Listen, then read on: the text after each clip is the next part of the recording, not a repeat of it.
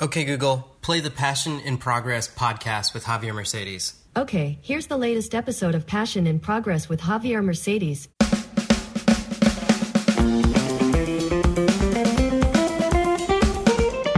That is right, Merce Nation. Man, this has been such a journey. If you say, okay, Google, play the Passion in Progress podcast with Javier Mercedes, my voice will come out of that speaker. It is so cool to have something like that just happen. What a what a what a cool feature. I'm so excited for you guys to hear today's podcast. It's with Resign Wine. Leo Resig, the co-founder of the Chive, along with his wife, Tiffany Resig, started a wine company from scratch. That is so cool. Man, I'm so, I don't know if you can tell, but I'm really excited. I would even be more excited if you guys left me a review on iTunes, you followed me on Spotify. I'm on Spotify now. If you guys want to watch this interact with each other in physical form, like you can watch it. I film all of my podcasts. Just look up Passion in Progress podcast with Javier Mercedes on YouTube.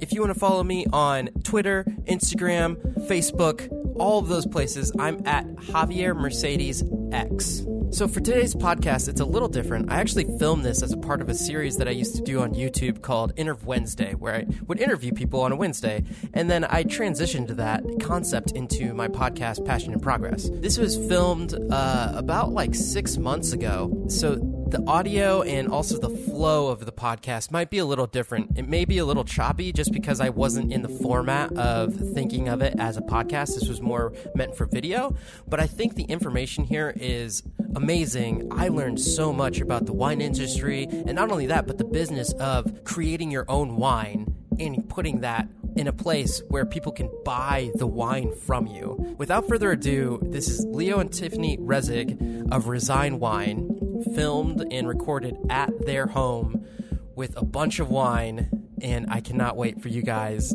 to listen. Man, I'm so, I, I don't know if you can tell, but I'm so excited. I just I love doing this podcast. It's it's so cool to do something you're passionate about. And how about that progress that I'm making on Google Home, on Spotify? That's so cool. All right, here we go. Here we go, guys. What's up, YouTube fam? It is Javier Mercedes here for Interv Wednesday. That's an interview on a Wednesday. What am I going to do? I'm going to interview Leo and Tiffany Resig. To all the viewers out there, they own, founded, and did all the things with Resign Wine. This whole story, I believe, begins where you guys meet. Like, how did you guys meet? Oh wow. back in the day in Chicago, yeah. advertising.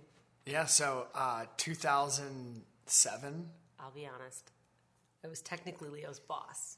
Oh He- really? yeah, he hates this. He hates this. She was definitely more senior than I was. I I was not in IT, but I was the IT person. I Leo was was- not. Leo Was, was it, the- was this during your advertising days? Yeah. yeah. Okay. Leo yeah. was the do everything. Like the Yeah. printer's broken. Hey Leo, can you fix it? Although first, when he moved to our Chicago office, where it was like 15 of us, we thought he was a spy.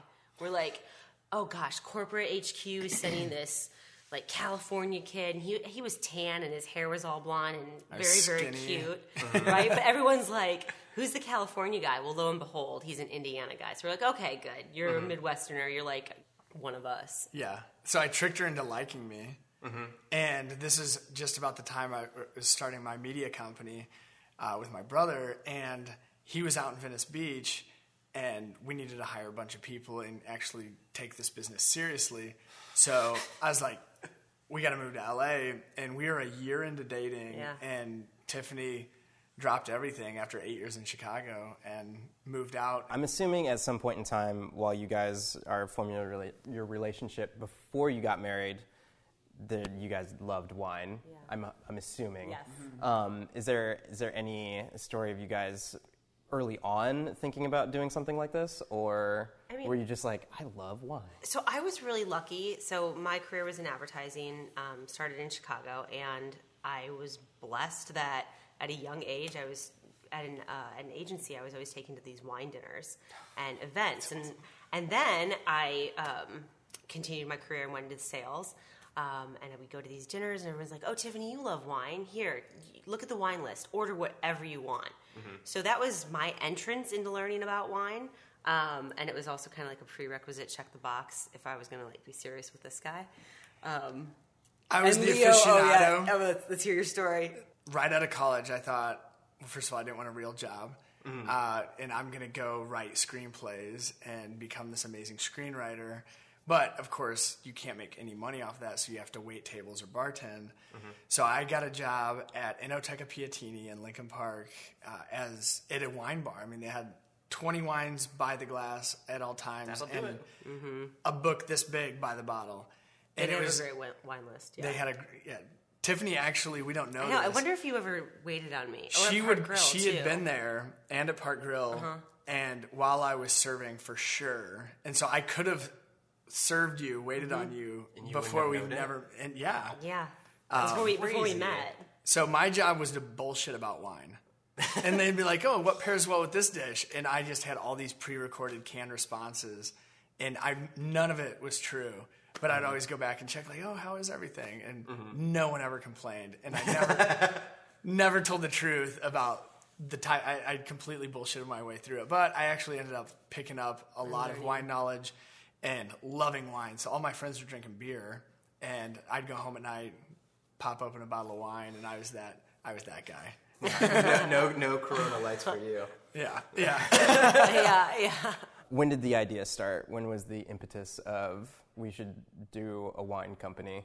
I think it's well. So I mean, we so we found the artist. I mean, it it's not fully art first, but a lot of it does have to do with our artist Zach Johnsen. We found him at Oscars, a little um, taqueria uh, in Venice Beach on Rose Avenue, and he had his artwork. And it wasn't like it was. It was like in a hallway, and we each saw it at different times. And throughout our throughout our meal together, we're like, "Dude, did you see that artwork? Wasn't that really like I'm assuming at this point it was his uh, his acid and ice cream.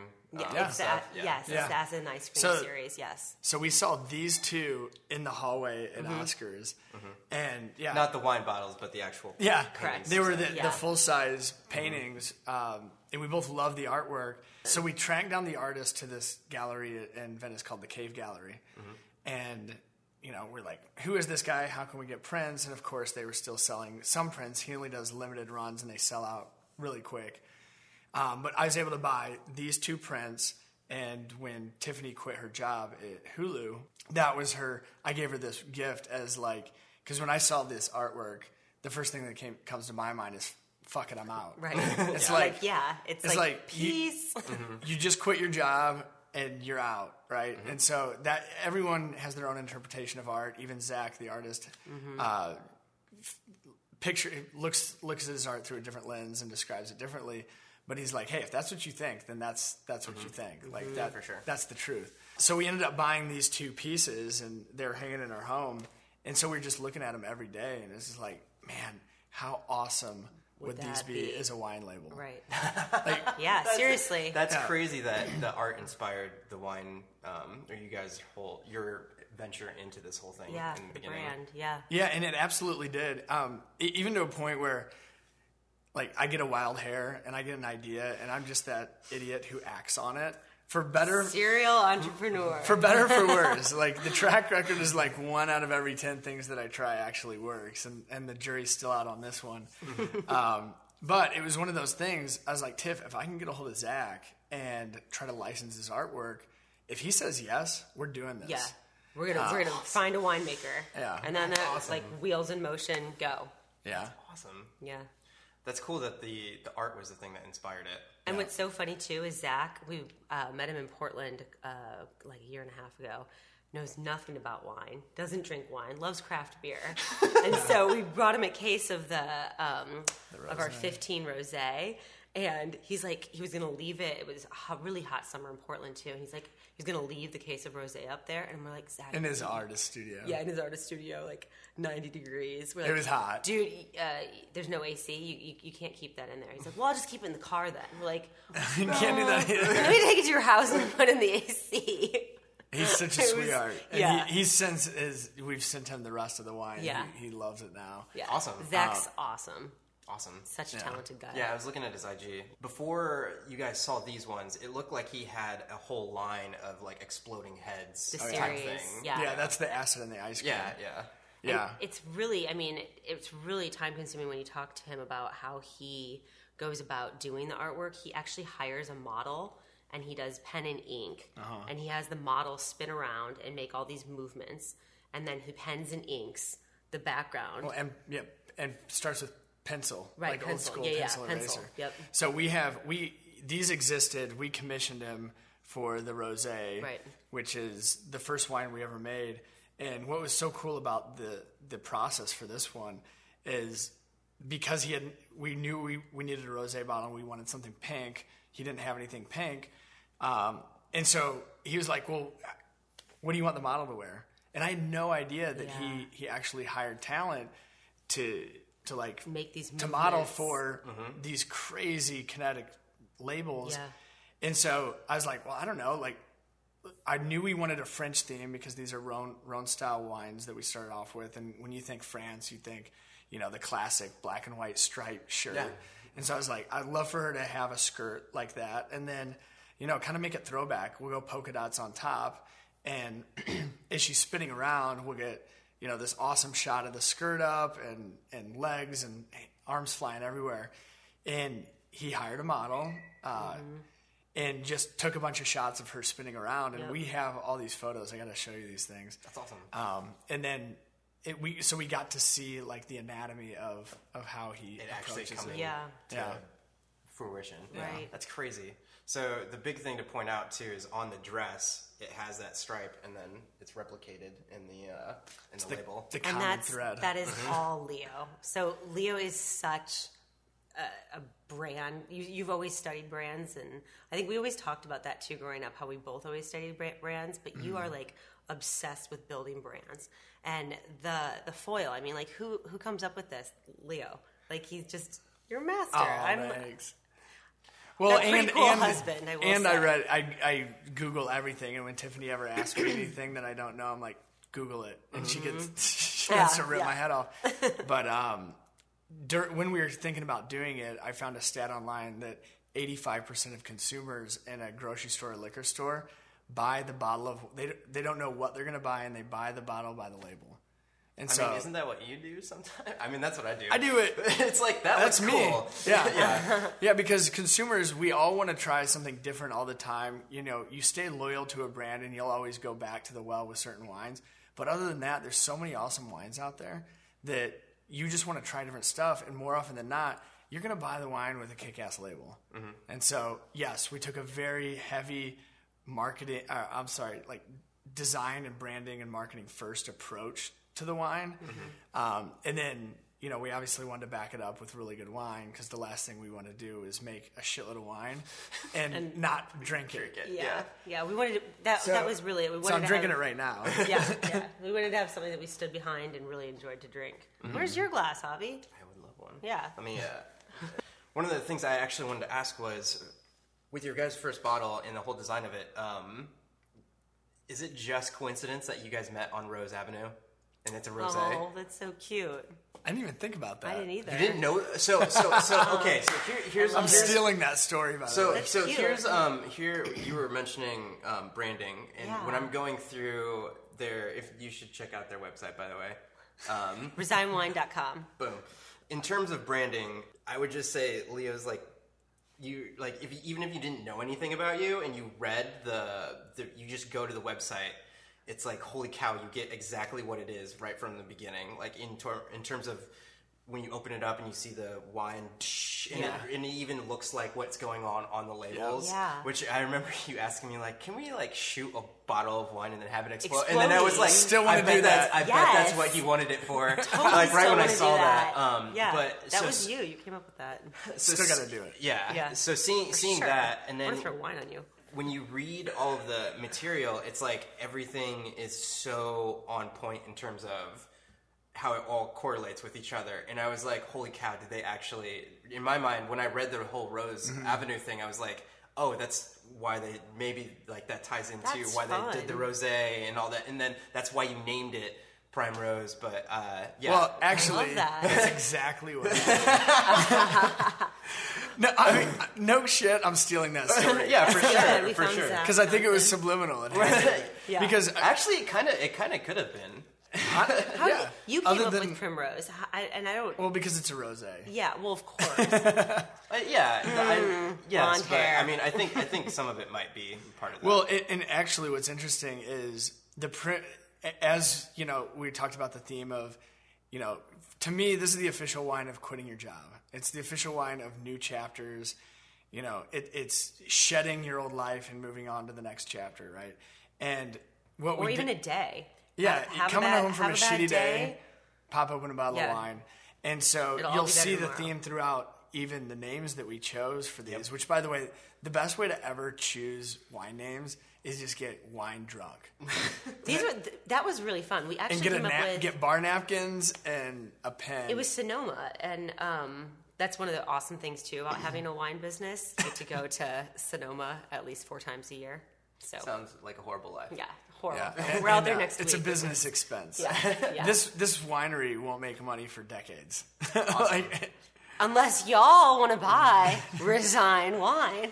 but the uh, but what we started with beyond the primrose, you know, obviously the rest of our line is red wines, mm-hmm. and we wanted to go with a theme of of this new beginnings of new chapters, and so we chose you know happy trails, anchors away, and Godspeed. Because they all you know are imply this like you know mm-hmm. good luck, man, Get Yeah. all the best. Like Godspeed, safe travels, anchors away, you're off, Happy and happy trails. Like, Yeah.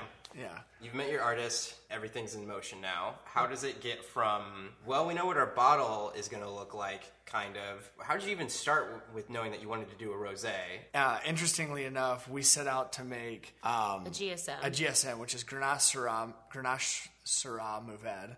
Right. It's modeled after a classic French wine called Chateauneuf du Pape. The That only, grows in California? yeah, the, and the best place too, that yeah. those grapes grow and thrive are in the central coast of California. So if you want the best GSM that America can make, it's Paso Robles, you know, San Ynez, Central Coast, California. The combination of those grapes grow the best. We honestly set out to just make one wine and didn't plan on having a whole line because going back to like the beer days when we had our brewery, we made a bunch of different beers. But at the end of the day, one of them is going to be your flagship Mm-hmm. beer, and in our case, the flagship wine. Just to, just to point out, Leo is co- co-founder of the Chive, and they had KCCO beer when he's referencing. I need to pour some out. Can you do a visual of me pouring some out? Gold- the gold lager. Yeah, so they so, so he also had adventure in beer as well. yeah, and and and uh, Solid venture. it's fun. The 52nd largest brewery in America at one one point. Front really? page of the USA Today. Yeah. Now it's now we're out of business.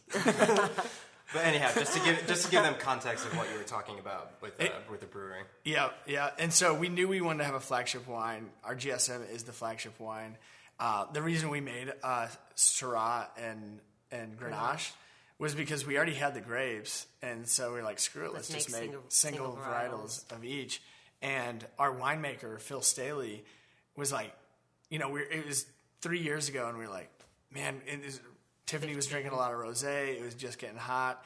And we are like, well, we'd love to do a rosé. And he's like, I can just take these exact same grapes and make you a rosé uh, with literally the bleed off, right? Yeah, so that's what Saignée means to bleed off. So our 15 rosé and our 16 rosé are Saignée style. Mm-hmm. Um, our 17 rosé is going to be direct press. So that's where you, instead of the bleed off, the grapes are actually used for rosé, which is more of a Provence style. From a layman's terms, Yeah. like what's the difference between the bleed off and just straight up pressing it? Yeah, direct press. Yeah. Direct press is using grapes specifically to make a rosé, Mm-hmm. where um, Saignée style is using the bleed off of making red wine, and it's using kind of like it's, It it's kind of like the leftover, the bleed off of the red wine to make the rosé. And it spends it, it spends more time on the skin, which gives it a deeper color. color. Like a lot more rosés are, are very pale salmon color. Back in the day, this was thrown in the drain. Really? Right? Yeah. It was it was Well, the bleed off, and and, in so they wouldn't make wine yeah. for it. They they wouldn't they wouldn't make wine commercially as Mm-hmm. a rosé because they just let it go down the drain. But then someone realized it's pretty damn good and it still gets you drunk. so, How did how did you guys meet the winemaker himself? Phil. early on, we were an investor in a wine club company called Wine Awesomeness. You get three bottles a month in the mail, and there's this awesome little booklet that comes with it that explains the wines, uh, where they're from, why you should enjoy them, and what foods to pair them with.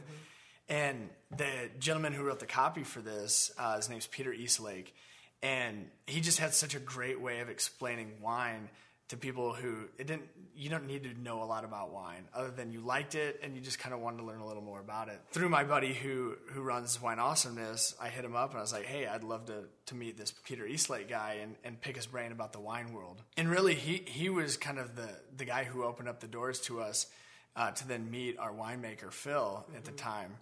Um, and and we hit him up w- w- right after we had the harebrained idea of like, okay, if if Zach Johnsen will license us the labels, we're gonna make a wine, We need to find a winemaker. and then yeah, and we need to find a winemaker, aka.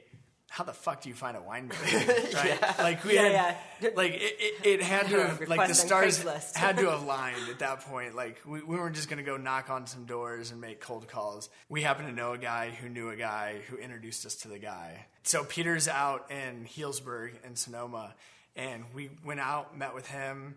Uh, obviously, went wine tasting and told him what we wanted to do. And he happened to know the right people, and uh, we didn't even interview any other winemakers. He's like, "I've got just the guy for Yeah. you." and, Oh, awesome. and, and, and Phil is, I mean, that's the thing. He's just, he's a great guy. And I feel like our wine knowledge since starting this business in 2015 has grown exponentially. And we've, um, we've done some tests and exams and more travels. But Phil is one of those guys, too. You can ask him any question about making wine. And I mean, his background is farming and chemistry, and there's a lot that goes into making a bottle of wine. Any question you ask him, he's not going to make you feel like an idiot. So it's just, it's great because I don't have to act like I know I just everything. nod my head and say, uh-huh. Yeah, uh huh. He's got beakers out when we do the wine tasting. I mean, the, the dude's a mad scientist. Yeah, don't they have? Um, it looks like a turkey baster, doesn't it? The- like the thief. The thief, yeah. Is that what it's called? It's Yeah. called the thief. Yeah, and it goes in and like something new 'cause it- every yeah, day. It's 'Cause you steal stealing the the wine. wine all out of the barrels. Yeah. So uh, that leads me to my next question. So you meet him, and how does that? How does it go from? Is it like I have this plot of land that you like transition from somebody else that already owned it, or Yeah, so we're sourcing. So we don't own our own grapes, but um, we're specifically sourcing. We know all the all the uh, the vineyard farmers and owners that we're sourcing from, um, and so we work with Phil, and he's been making wine for almost like 15, 20 years under his own private label called Enkidu. Um, and Phil's from Sonoma, so he's got great relationships with these growers, and so we go and we source grapes from them. But what's been awesome too is he's given us so much runway to just do things. So we're working with cooperages in France and buying barrels. That's crazy. And, you know, wiring money, internationally wiring money to buy the barrels and ship them over and pay, paying the freight, paying all of our invoices with working directly with whoever we're sourcing the grapes from. So Mm-hmm. Phil's the winemaker and he's extremely hands-on, but he's given us a lot of the freedom as being entrepreneurs to really run it like a business. Mm. And that, and that's what we told him going into it. We're like, hey, we're we're in this to just learn more about wine in general. Um, and we don't process. we don't want to just it, it, you could wake up tomorrow morning and buy juice. Like there's a whole market for going out and buying barrels of of wine that someone's already made. You can throw it in a bottle, slap your label on it, Mm-hmm. and sell it. And we just wanted to make we we wanted to take a soup, to, nuts approach, and you know, again, going back to traveling out to to Sonoma to meet with Phil. Basically, all we're doing is tasting a ton of different wines and telling him what we like and don't like about wines. And he's just sits- sits there take note, taking notes and narrowing down. Like, okay, I know I'm going to get th- these Syrah grapes from this vineyard and these Mourvèdre grapes from this vineyard. And because he just knows everyone, he's got the facilities for his own winery, but also is able to do what we call as custom crush. he's not on the vineyard himself. He's just like pulling from all He- these different ones. he That's go- crazy. But he goes and he visits all these vineyards too because he has so all. you guys get like the pick of everything. yeah, That's crazy. it's Yeah. pretty awesome. It's pretty, and it's what. So when we're um, we're actually going to Napa next, or to, excuse me, to Sonoma next week, and we'll be tasting through our blend to make the GSM, which is the Grenache Syrah Mourvèdre. So for our 16, we sourced. Um, we sourced two different blocks for the Grenache, and we sourced from two different, two completely different vineyards for the Syrah. We did uh, Eagle Point, which is in Mendocino, and Atusa, which is in Sonoma. And so we'll taste these, you know, two different blocks of Grenache, two different vineyards of the Syrah, and then determine the blend too. How much Grenache do we want? How much Syrah, and then how much Mourvedre. Um, That's cool. and it's Yeah, it's fun. it's It's- really so fun. you guys are. It's cool that you guys aren't even bound by like just one region. You're just like, eh, well, let's throw that in there. Yeah, yeah. And, and then you, you get down, you, you learn these things that you'd never even anticipated going into it. And it's like, and feels like, hey, we're going to be bottling on this date in, in March.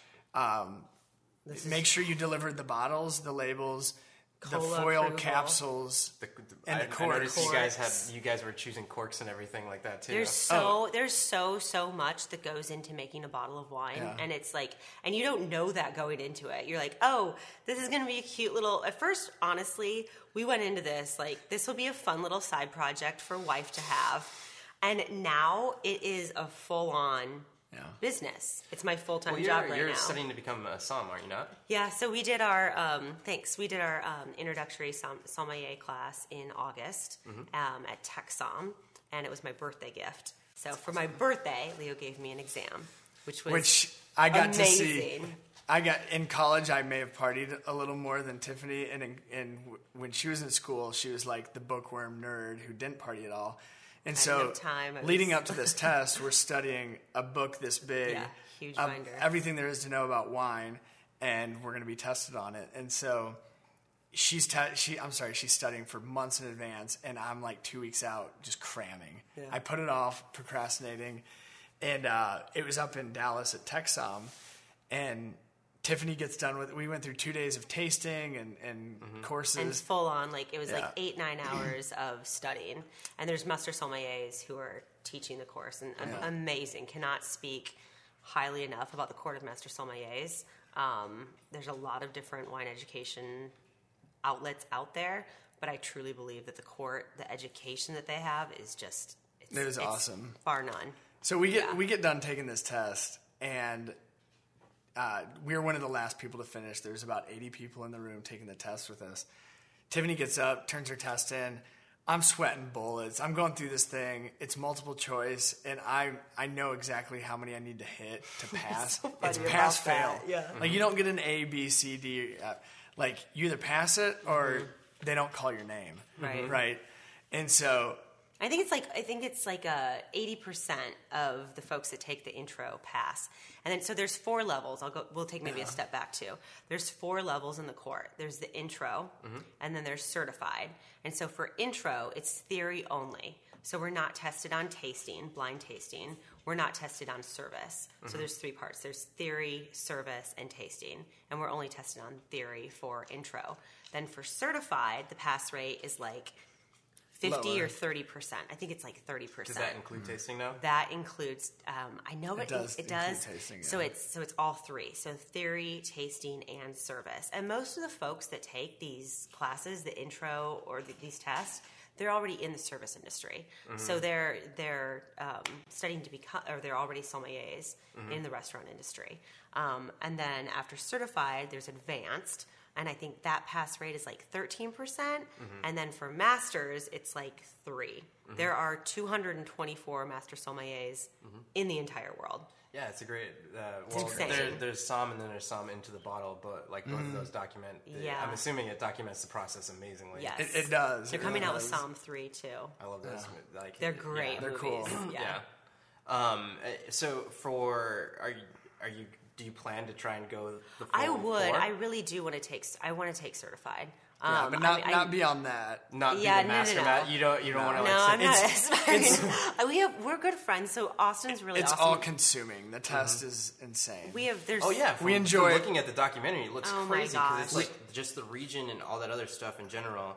So if, if for the for the certified one, are Yeah. you when you're tasting it, are you going through the, the whole thing like?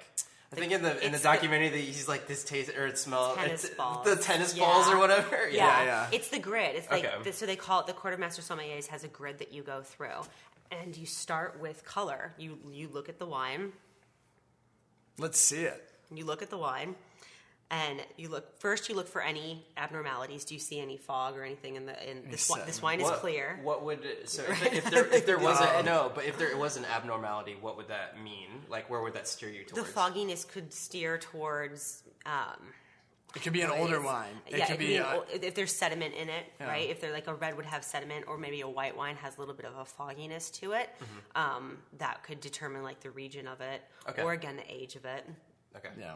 Um, so yeah, so it's sight, and then um, nose. You're, you're the smell of it, and you go through the grid on the smell. There's a lot of different classifications for that, and then the taste, um, and then with the grid too, you you have to narrow down. Um, you, you start with the country. Con- so it's country. So this wine is from France. This Nah. wine is from not. Uh, it's old it's world, old world, new, new, world. Thank you. So- old world, new world. Yeah. So it, would- it would be, I'm assuming European versus like American or. Mm-hmm. Yeah, or- well, yeah, and you can definitely tell even just by smelling um, an old world wine, a European wine, French, Italian, Mm-hmm. Spanish wine versus uh, California, Washington, Oregon, New those, Zealand, Australia. Um, yeah, you can you can tell a The fruit, the alcohol. and that's and that's just one of them. the earthiness, the mustiness of it. Um, yeah, but th- the grid is extensive, but it makes sense uh, as you're going through really and, does. and deducting what what's in the glass. Yes. you can. Not hon- what's in the box. yeah, now it's in the box. Yeah. that's what we should do. like do a blind tasting with somms, and it's like straight Franzia, like anything in a yeah. box. Um, it'll just puke. I'll be like, that's box wine. Yeah. Yeah. Next question. So you you met him.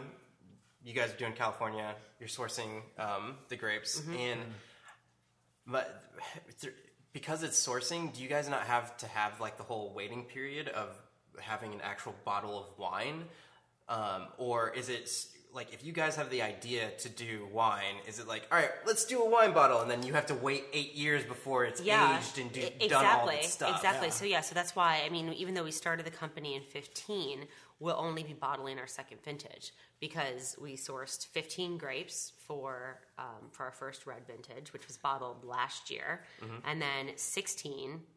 16 reds are Mm-hmm. getting bottled now in 18. So Um, we age the reds for about a year in French oak barrels. Yep. Um, so yeah, I mean the, the waiting there is a waiting. There's a waiting period. Um, it's not nearly as versus bad just as sourcing direct, like buying yeah. juice direct. We're not we're not aging whiskey for ten years. Okay. Right. Um, but yeah, we, we do age it, and you know, because if we didn't, it'd be awful.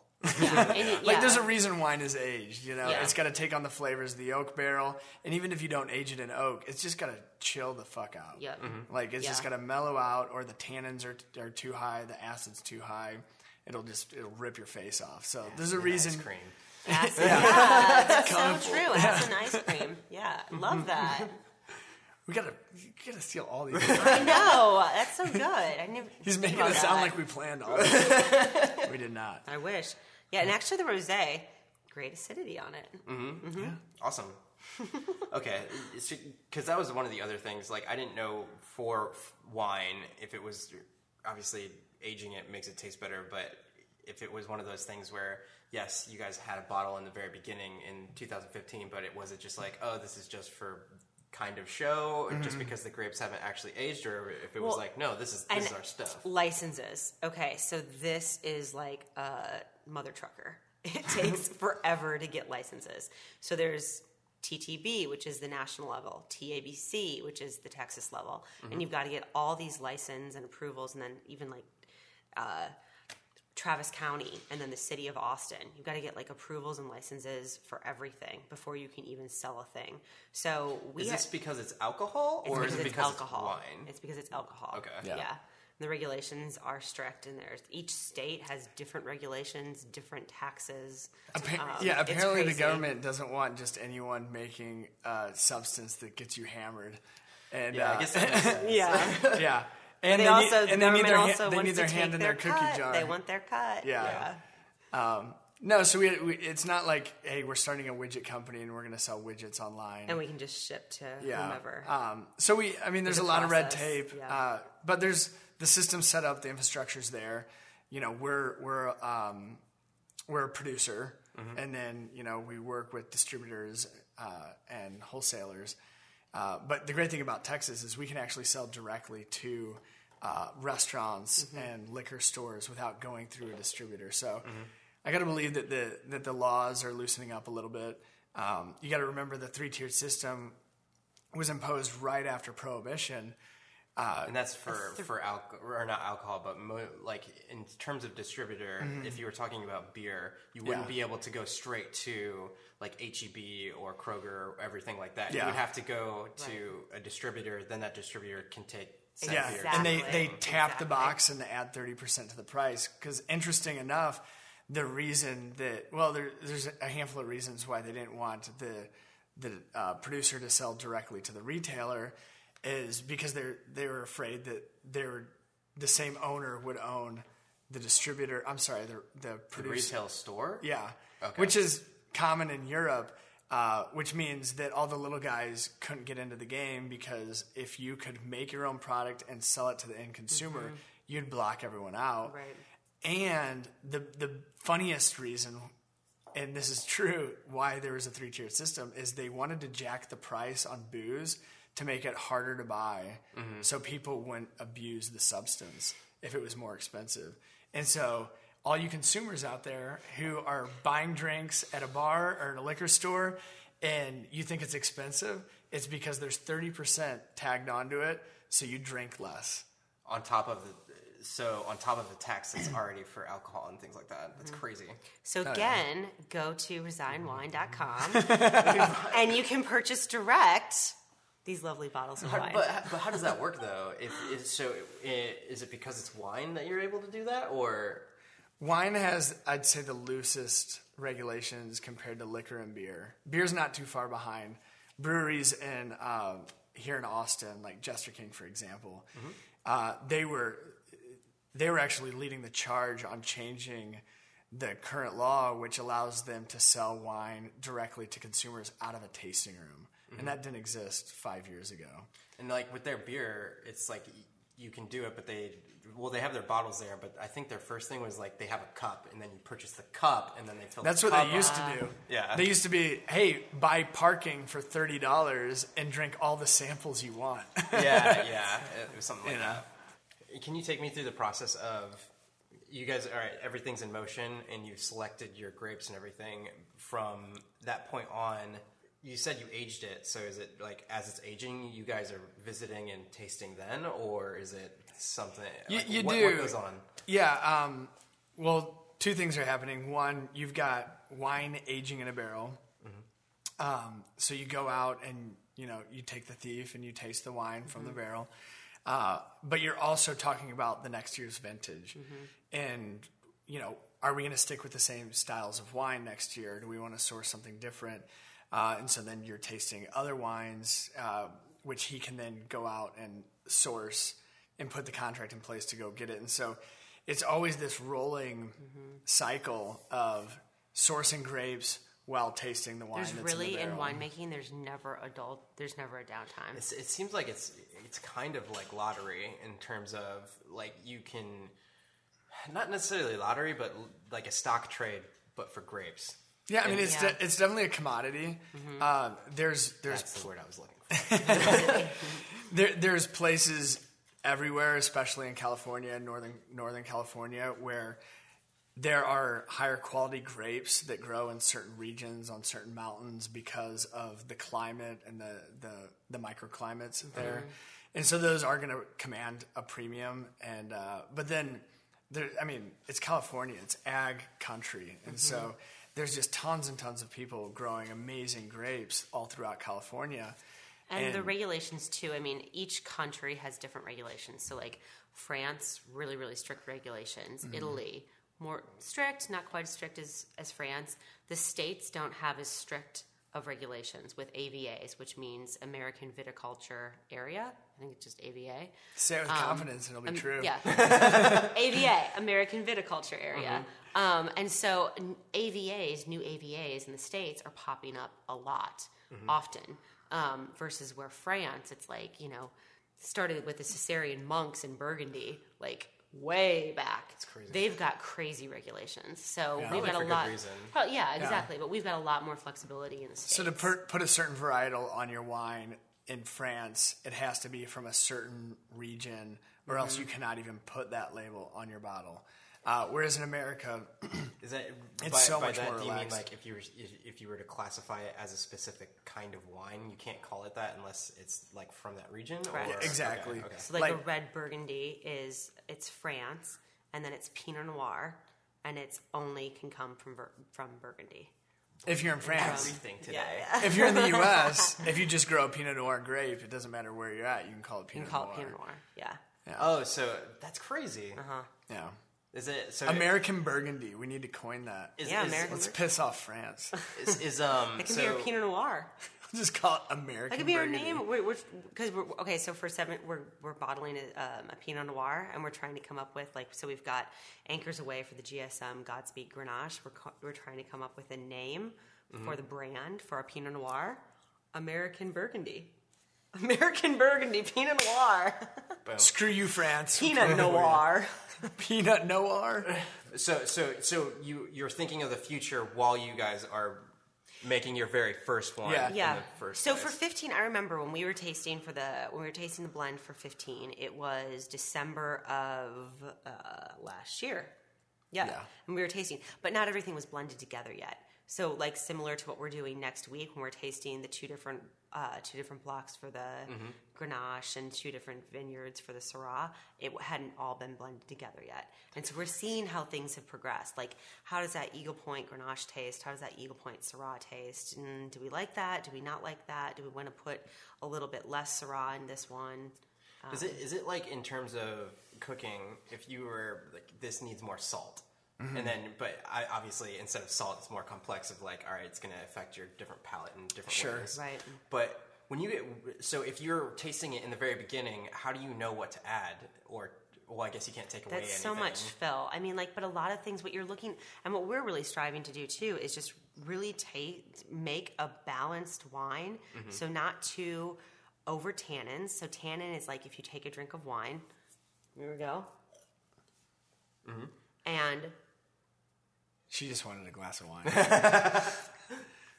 if your mouth feels like it's like really like Grippy. dry and grippy, Like I, I, I would call, for me, I'd call it like bitter almost. Yeah. bitter, kind of like sandpapery mm-hmm. On your right? tongue, like the Yeah. texture. on your tongue and around your cheeks. Yeah. That is going to signify the tannins, right? So that if there's a lot of that, and if it's like really a dry mouthfeel, high tannins.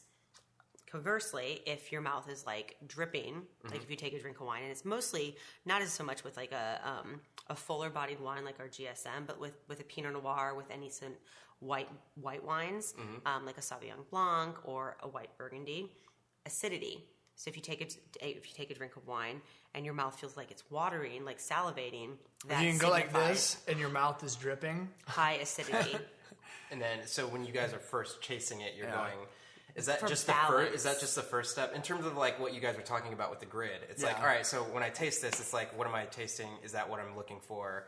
And then, Yeah. can you add to nullify some of those things? Well, you I mean- can't you can't add or, or subtract, but like we also have to trust our winemakers. So like Yeah. when our Syrah, um, our Happy Trail Syrah first got bottled, w- we got it, and I was like, oh my gosh, dude, the, the tannins on this thing. You take Yeah. a sip, and you're Such like, a wine thing to say. It I'm gonna. I'm gonna totally say that when I'm in a fine restaurant. and It's be so like, true, the oh man, the tannins- tannins on If this. if you It was say like- these tannins was- are ripping my face off, yeah, and, and it Yeah, was, yeah. and Phil's like, I we, I mean, I even I remember I called him. I was like, he's like, what do you think? And I'm like, um, so the Syrah and the tannins, it's like really high. He's like, it'll tame down, it'll tame down, and And sure it did. enough, it mellowed. it totally mellowed when it was out. in the bottle. Yeah. Yes, in the bottle. crazy. It just had to like, I mean, too, it had gotten shipped from California to Austin, and it's just like wine is such a volatile living Sounds being. like a master wizard. Well, yeah, Right? and, and think of it this way: like you don't have to just age wine in a barrel, and a lot of people think that the aging is done in a barrel, and that's very much true with you know a spirit like a whiskey, right? Whereas with wine, you can age it in glass, and it's Mm-hmm. constantly going to change. There, it's living, breathing. There's bacteria in there that it, are constantly at work changing the flavor profile of wine. So. If Mm-hmm. And you take this bottle and, and open it ten to, years like, from now, sunlight and everything. yeah, Right. of course. Completely And the temperature Totally. of where you store it has Yep. a lot to do with it. But like the That's a Yep, hence the wine fridge. wine fridge behind us. If you didn't notice, there's a wine fridge. behind us. fif- 55 ish. Um, but the misnomer with with like um, yeah, with a bourbon, right? If you keep your bourbon in a bottle that was bottled in, you know, 1999 and you open it today, people think that, oh my God, it's been aged for so much longer, it's going to taste different. Well, not if it's been in a bottle. Like, there's no more living organisms in it. All it's doing is just sitting there. And that's because it's such a high al- alcohol content for, for bourbons. uh, I'm assuming so. Because I don't know if it's the alcohol content uh, because you're probably going to get people fact checking what I'm talking about right now. Oh yeah. But like, but like bourbon. Can No, but- no, no. I'm, can I'm just spitballing. Like Yeah, but you can open like a bottle of bourbon. Well, the bur- and the it's bourbon- gonna go bad. Like it can still sit. the bourbon with wine. It ferments open and it takes on its flavor profile while in the barrel and so when you see a bourbon that's been aged 10 years it's in a barrel for 10 Mm-hmm. years and then it's taking on the characteristics of the barrel where it, and then when you bottle it it's done. It's suffocated to the world. You know if there's no oxygen in there it's not going to change. It's not going to get better with time. It'll just you know lose its its spirit share uh, and evaporate over time whereas wine is changing and for hundreds and 100s Mm-hmm. of years.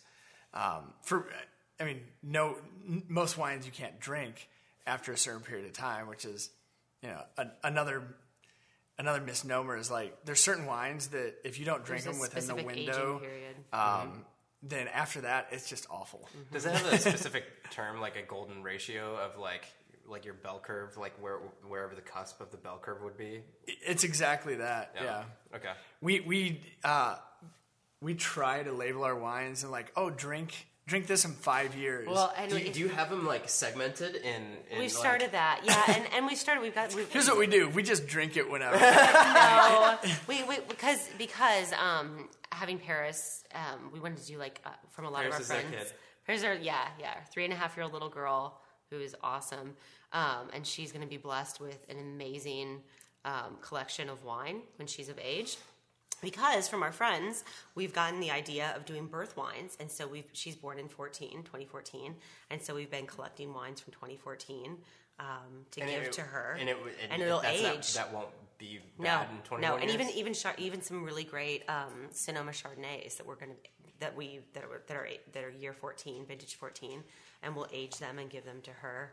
oh, they'll be awesome. Oh, That's that'd be what- that's- so that- amazing. I think that's one of the crazy things that's like you can't buy time. It's like it's such a, a commodity Yeah. or Yeah. just like an asset. Yeah. Like there's that's the value of it is astronomical, especially when you're Well, and- talking about something like that. It's Yeah. like sure you could uh, you could cram two weeks for a test, but you can't like you Yeah. can't have like Well, it, you Yeah. buy a wine when they're 21 years old. That's Yeah. fucking crazy. That's Yeah. so cool. and and it's psychological too. So it, there's studies that have proven that if you think you're drinking older wine, you're gonna think that it's better. If you think you're drinking a more expensive wine, you're gonna enjoy it more. I think that's better. Mm-hmm. yeah. Like your your brain plays tricks on you, whether you like it or not. It's wild. Well, yeah. I, I also like, also since it's like the smell and all that other stuff, it's like so many different senses that all connect through the brain to do it. Yep. It's awesome. Uh, so, I, so you can't add or uh, you can't take away, but you can't. Are you guys So, adding to try and? We're, we're actually purist about it. So we're sourcing from all organic vineyards. Um, and also, our winemaker does not add things to the wine. Okay. So, like, for example, there's a really awesome book that's on the market right now called Cork Dork. Um, Bianca which Bosker. quoted in the. Uh, It's Yeah, yeah. it's such a great book um, for anyone who's even like kind of remotely interested in learning a bit, little bit about wine and wants a really great read. Read Cork Dork, and that kind of like opened my eyes too to that like there's all these trade shows and commodities. Like if I want my say we were making a white wine and we wanted it to have more oak profiles, which is like clove and vanilla and spice, you can buy that and dump it in as a chemical. And people are doing that.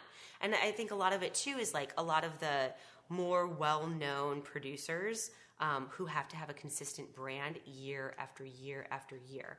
Like the Cakebreads mm-hmm. or the Like an e- even a something like prisonary or a prisoner. Yeah. A consumer wants Cakebread chardonnay and I want it to taste like this or I want a prisoner red blend and I want it to taste like this. So year after year each vintage has to taste the same. So to do that there's some sort of manipulation going on with it. Oh, yeah. We're not doing that. Um, I mean, and, and, and we don't Well, source set out that's to do part of the charm of it too. It though. is the Yeah. charm of winemaking. I mean, each vintage should be the same, should be different versus Yeah. being the same. Mm-hmm. I mean, it's only f- it, when you're doing year after year vintages from the same block, that's when it gets interesting because you're Yeah. tasting the weather of that Right. year. The soil's going to be the same. You know, you're, you're And if it was I'm a crappy year, like you're not getting much, right? So and depends on when you harvested it. totally, there's yeah. so much that goes into it. Yeah. Um, so no matter what, we just think it's going to be fun that year after year, uh, we may source a different Syrah for our GSM from a different block, which will completely change the flavor profile of the GSM It's crazy. for better or for worse. Mm-hmm. Right. But and then, and then that's where it's like, oh, it was a good year. Yeah, exactly. When You open yeah. up the, the bottle. And Yeah. like, Exactly. Yeah, you got you got the uh, the and that sixteen. and that also it, so true. it so plays too with the production. So like if it's a really um, volatile year with weather, because California does have some really volatile weather, and, and unfortunately, you know those, those fires that happened in Sonoma um, in the fall. We were blessed that all of our grapes had been harvested, as well as Phil's for Enkidu. All of his stuff had been harvested, but a lot of folks hadn't harvested a lot of the late pickings, like a like a Cabernet, Cabernet Sauvignon, um, and they got hit with that. So because of that, there's a lot less supply, and because of the supply, that's going to command lower case production, a higher price point, supply and demand, um, and also just probably more quality juice. Because there's just not a lot of product to work with, And everything It's will gonna be a little really smoky. Killer juice. yeah, yeah. Might yeah, really, it might be. Yeah. It was an interesting year. It Yeah. was- yeah. Seventeen. Seventeen. Are you guys interested to start tasting? What, so, what would um, the wine at seventeen? When would that actually like, so we'll be coming back? We'll out? bottle seventeen next year. Okay. Yeah, And Re- release our it reds. in 19. But we are bottling, so we'll bottle our 17 rosé, and we're doing a 17 Sauvignon Blanc, and we'll be bottling that in April. And that's not like the rosé where, like in 2015, you guys were already flipping it out. Yeah, so the rosé and the whites, you don't barrel age Yeah. for nearly as long as you do the the reds. runoff. Yep. Yeah, you want to drink And uh, them fresh. you want to drink it mm-hmm. fresh. Yeah. Yep. Yeah. Yeah. So you don't you don't really like. I mean, some white wines and some Sauvignon Blancs can be stored and saved, um, but but predominantly you're drinking a rosé or um, or a white wine in the current vintage year. So I hear you guys have quite the story for getting your first shipment of wine. We arranged to have the wine shipped here, uh, probably prematurely. Taking ownership of it Yeah. without a distributor. Yeah. So what that means is we need to store nine pallets of wine. Each pallet has 50 cases on it. You do the math. And it's funny too because you you kind of think like you're like okay I kind of know what 50 cases of wine looks like.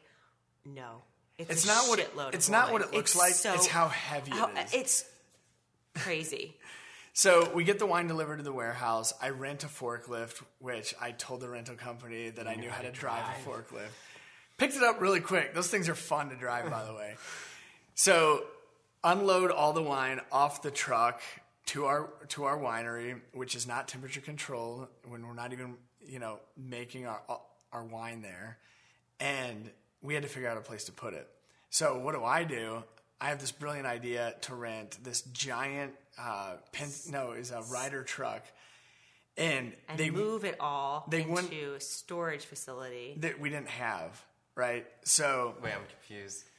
So I thought I had this brilliant idea to store all this wine in a ground floor storage facility. The same thing like if you were moving out of your house and you move, needed to move your furniture into Home a storage storage. Oh, facility. Oh, okay, okay. Mm-hmm. That's And- like life storage. That's and it was gonna store our temperature controlled ish, like 70 degrees, but it's not going to kill your wine. It's just not ideal, right?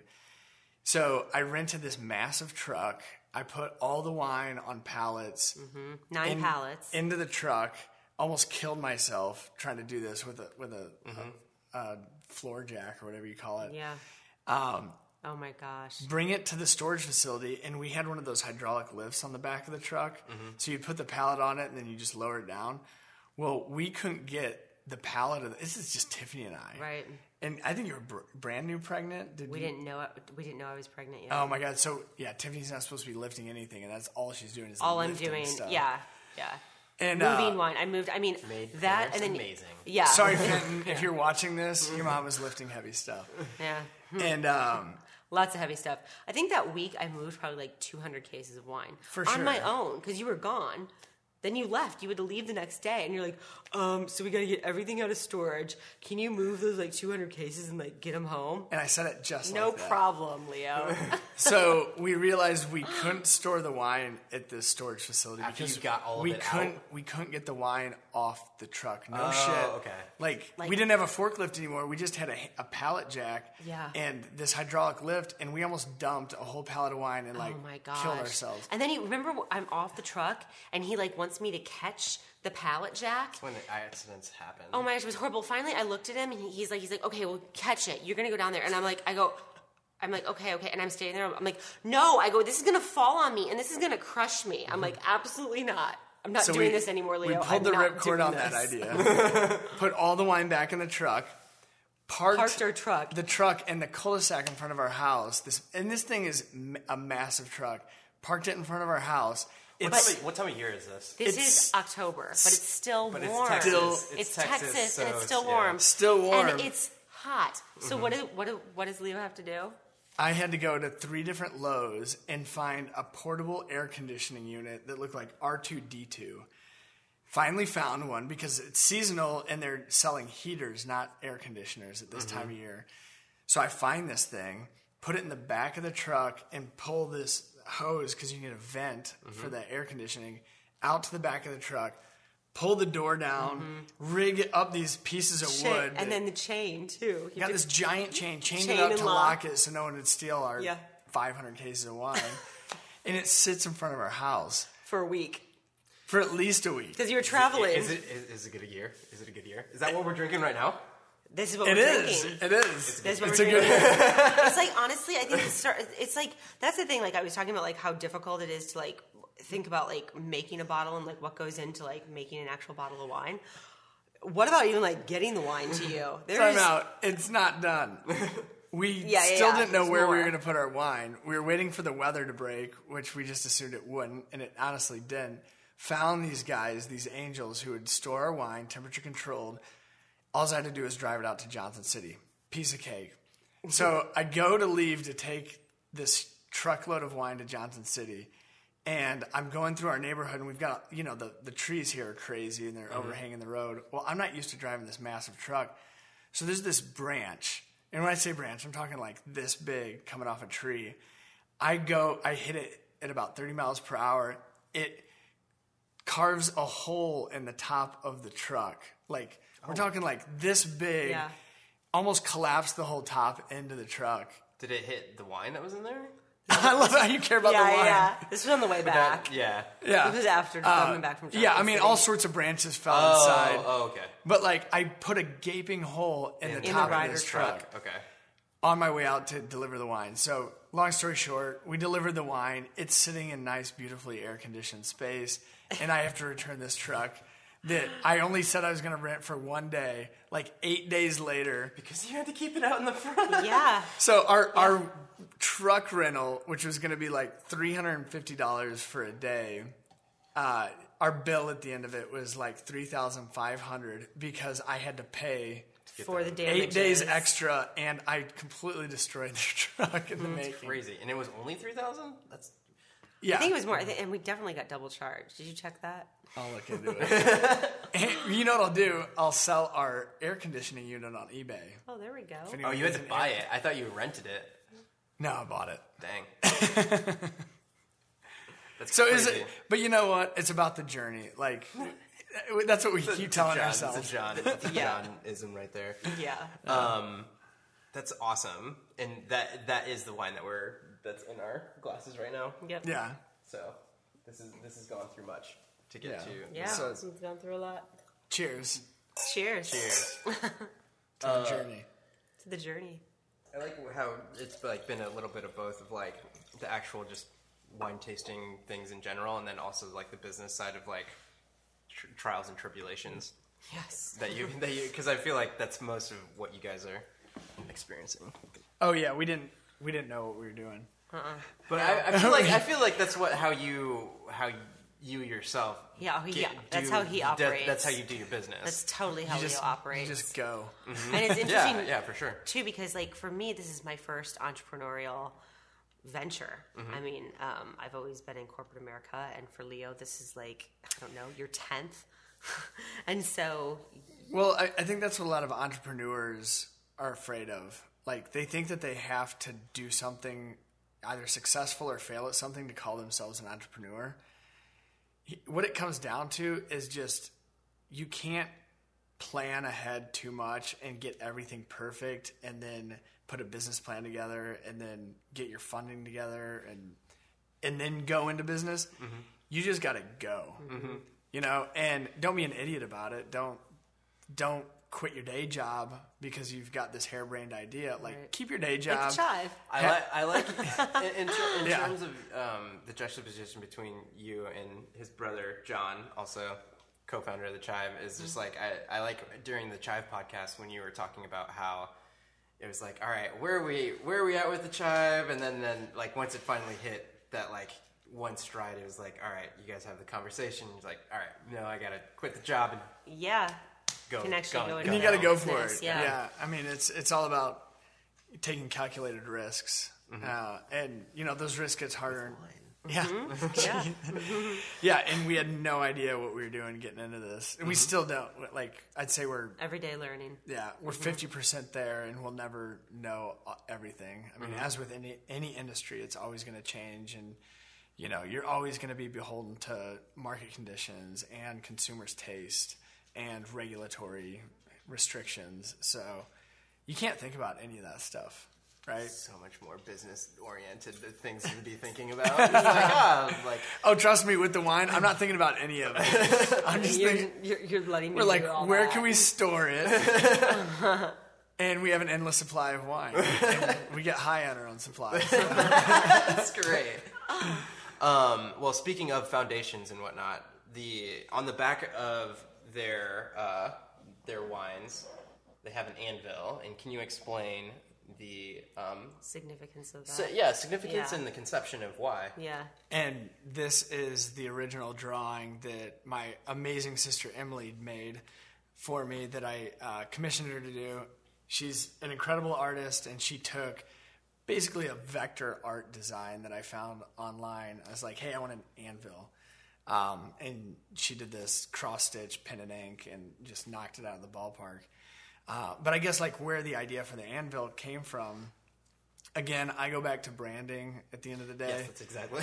and uh, and I thought we had these amazing wine labels, um, and we had this really cool word mark with Resign, which is obviously Resig's our last name. Throw an N on it, it's Resign. We've got people's heads exploding because they just quit their job. So that all that all kind of tied together, but I always felt like we were missing, um, you know, some weight to our logo. Uh, and Literally. literally, Literally, right? yeah. And I've it's so weird. I've always had an affinity for anvils. Uh, growing up, my favorite outfit was the Roadrunner, and I wore it every single day. If you look at any baby picture of mine, I'm wearing a Roadrunner You outfit. need to get me a picture just so I can. You put that. Oh, I've got you. I've got you.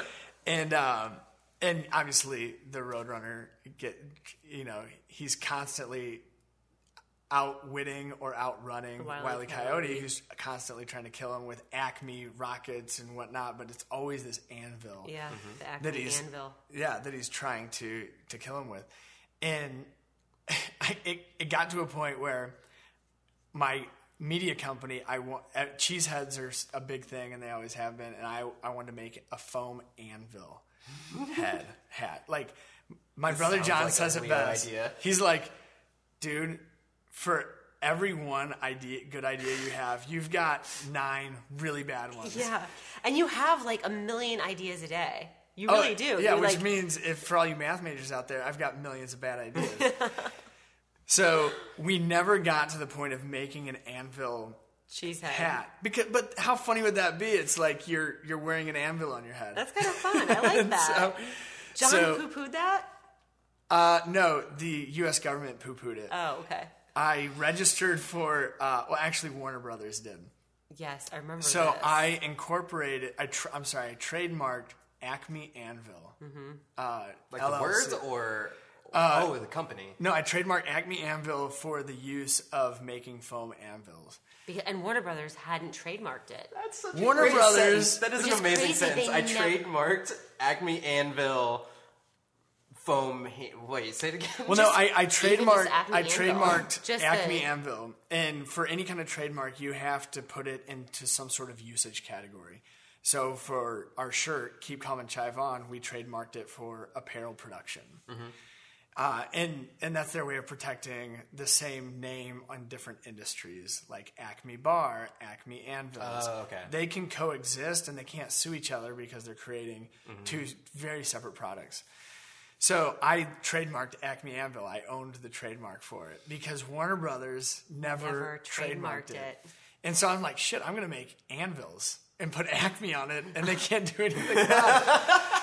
So when uh, the the lawyers at Warner Brothers got wise to it, and I got a letter from Warner Brothers in-house legal counsel telling me why I can is cease and desist of why I cannot use their trademark Acme Anvil, and they go into all this litigious stuff of why I can't use it. But then they highlighted the Wiley Coyote, and the, I'll send you this document. It is hysterical, and they go on to to to basically say, hey, if you continue doing business, if you do business under this name, which I hadn't done nor did I intend to do, um, we're going to sue you.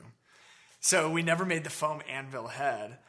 Uh, but since then, I I went on eBay. I was probably drunk one night, and I bought this big ass anvil, and it weighed a ton. I think I bought this thing for like fifty bucks, and shipping and handling was like three hundred because they're so damn heavy. Where is it now? It's in the garage. It's still in the garage. Yeah. Because you can't move it. No, it's I literally cannot move it. rent another forklift. There we go. Yeah, Paris can help me. Shit in our garage by Leo Resig. yeah. So when uh, when I was thinking of like a really powerful icon that could complement the Resign name, I just kept coming back to the anvil and started doing a lot of research on the anvil. And everyone, you know, you think of it from the cartoons, but you also think of it from Braveheart movies Forging of people swords. forging swords. Yeah. And it truly is, in my opinion, the most important tool that's ever been created because it's a tool that helps you create other tools. Um, it helps you make horseshoes, and without horseshoes, we couldn't have put them on horses to travel long distances. Without the anvil, you couldn't have made swords to to battle and conquer lands. Like it, it truly is one of the most important tools ever made, and for that reason alone, and it looked good on, as a logo, which is important. Uh, so that that's when we decided to to roll with it as the logo, and um, I actually have a blacksmith class on Saturday. Yeah. Wow. that I'm going Yeah. to. Yeah, I have a two day blacksmith class because God bless Austin. I like literally Googled blacksmith classes, Mm-hmm. like Blacksmith 101, Austin, Texas, and there's some dude who gets like eight people together once a month, and you Sounds about right. You you bang hammers against steel. That sounds So- like the uh, the man equivalent of like uh, when you people get together and they have wine and they do painting.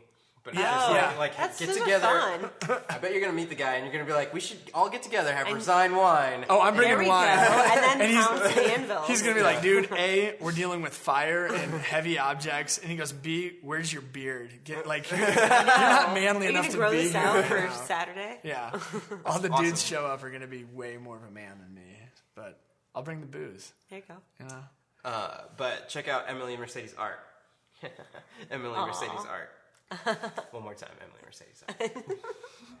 she does way more than anvils. Yeah, yeah. bourbon, champagne, guns, gaming, All the things. all the things. things. Yeah. Just to wind down, Yeah.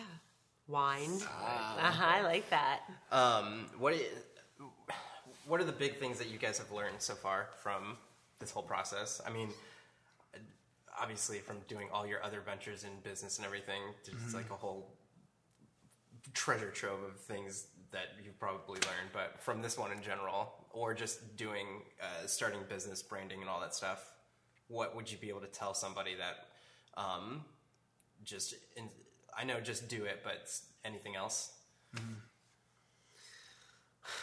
What have you learned? Gosh, I've learned a lot. Yeah. I mean, I think patience with the um, With me, with you, yeah, with being business partners. that's, that's another. aspect of it because since you guys are married, it's like you can't just like, oh well, I guess we have a like we have a indecision about this thing. Yeah. Well, how about we just Well, like and- spend time for away from each Yeah, Yeah, yeah. and I mean, and, and I also ha- I have to be really respectful of Leo. I mean, Leo's running multiple other businesses. This is this is like a project for him. So I've really had to step up and take a lot of ownership um, and work at it. And, And it's not. You've it's, kicked ass. Thank you. It, it's for me. It's it hasn't. It's it's so much more than just a project where I was just working when Paris was napping, um, and now I'm I'm working a lot on it. Um, and I'm loving it, and it is passionate, and, and I'm learning and growing. And I think the biggest thing, though, that I've learned is just um, ask a lot of questions, and no no question is like a, a bad question. Is Phil ever like, all right, all right, hold your horses? Yeah. Oh He's yeah, I'm so- sure. I'm sure we frustrate the hell out of him because we don't. Excuse me. bless you. We don't. We don't know what we don't know. Yeah. You know, and um, so we're constantly changing things too. But on it, even- on- like, and he's like, uh, we're like, hey, can we just do this instead? Because you have to plan ahead. Yeah. Like, and he's a big planner, uh, and we come up with different ideas. And we're procrastinators when it comes down to ordering bottles and capsules and corks. Not anymore. Bottles are ordered. I'm on it. You did that? Yeah, Thank everything you. bottles and corks. Yeah. I, I, I think what it comes down to is we wanted to have fun doing this project. Yeah. And every time that we get, if we even approach getting stressed out, um, we just have Well, to take a step back. usually it's me getting stressed out, Yeah. and Leo Tony's like, what are we going to do about this? And I'm like, babe, it, we're not fighting over this. Like, this Yeah. is not, this is, we're not saving the world. We're making wine and we're not even making wine. We're just, trying to sell the wine. We're just trying to but sell the wine. That for me too. I mean, I've never sold wine before. Like Leo and I both, we don't come from a background of like families who are wine producers or families who've been in the distribution world. Mm-hmm. So everything has this huge learning curve, right? Mm-hmm. And and it kind of like too, just kind of got got to go in and be like, okay, this is what I know, this is what I don't know, and this is. I mean, selling the wine. Like this is my product. Mm-hmm. This is the brand. This is our story. This is who we are. Do you like it? yeah. Let's drink the wine. So Yeah, I mean, at the end of the day, it's just don't put too much pressure on yourselves. Don't have too high expectations for. There's businesses that can that can blow up and catch fire and hockey have hockey stick growth. Um, we're not looking for that. Even if that happened to us and it got really popular, we'd run out of wine because we don't have that much. Yeah. And then it's like, ah, you gotta wait till next year. and We'll get, we'll get yeah. 500 It'll be a more good years. year. yeah, keep, that, keep that hockey stick puck going. But Yeah. uh, can you guys wait till next year? Yeah, so we we got into it to learn, have fun, spend some time Yeah. together, and have like something to share with each other, and uh, and just have fun with it. And if it it we're not planning on we're not trying to make a fortune off of it. Mm-hmm. I mean, there's a saying that you know the wine industry has been turning billionaires into millionaires for True. so yeah, That's hilarious. yeah. No Yeah. joke. It's yeah. it's expensive. It's a business. I would Yeah. assume so, just Yeah. because of the real estate that's like Yeah. you have to have in order to grow the grapes in very specific climates. No, Right. absolutely. Yeah, and there's there's high quality grapes and there's low quality grapes, and the last thing we want to do is get into this and and have bad Not wine. stand That behind. would- yeah, we want to. We totally want to stand behind our product. we would just get drunk and, and just open them and pour them down the drain and Yeah. just chalk it up. F you, Color Ralph. accountant. Yeah, be like, yeah, yeah. We're like, yeah, we it fell off the back of the truck. Well, awesome. Um, this has been really such a learning experience. I hope for you guys as much as me. I know so much about so much more about wine. Now, now, what what is it? The tan, the tannin, The tannins. The tannins. the tannins. Yeah, the grippiness. Now, now I'm gonna be like the royal tannin bombs. There you go. Like, uh, Why yeah, not? Why not? I'm such. I'm. I'm. I'm in. I'm in on the wineness. Uh, is there uh, just the social plugs and whatnot? Where can people go to find you? resignwine.com um, and also follow us on Instagram and that's just handle resign wine. Was it um, in terms of getting your guy's name? Was it just like you looked for it and you're like, all right, we're doing this because we can get all of these things? Oh yeah, Yeah. Oh, you got to tell a story. You got to, yeah. Yeah. Well, I mean, I I grew up not loving my last name because no one could pronounce it right. Just Mm-hmm. Resig or Racig or Res, Rezig. Um, whereas you throw an in on it, you know, everyone knows what resign means. That's awesome. Uh, to which we own uh, resignation.com. Mm-hmm. And we got to do something with that. It's got to be like the anti LinkedIn. Here's where you go when you quit your job. Resign. Yeah. yeah. Check out Resign Wine at resignwine.com. This is Javier Mercedes, and if you liked this whole interview esque thing, I'm going to wave my hand some more and subscribe. Subscribe. Subscribe. I'll see you guys next time. Cheers. Cheers, y'all. Ooh, and the, this is wine from Resign Wine. Boom. Boom. Hmm. Tannins are off the chain. Tastes like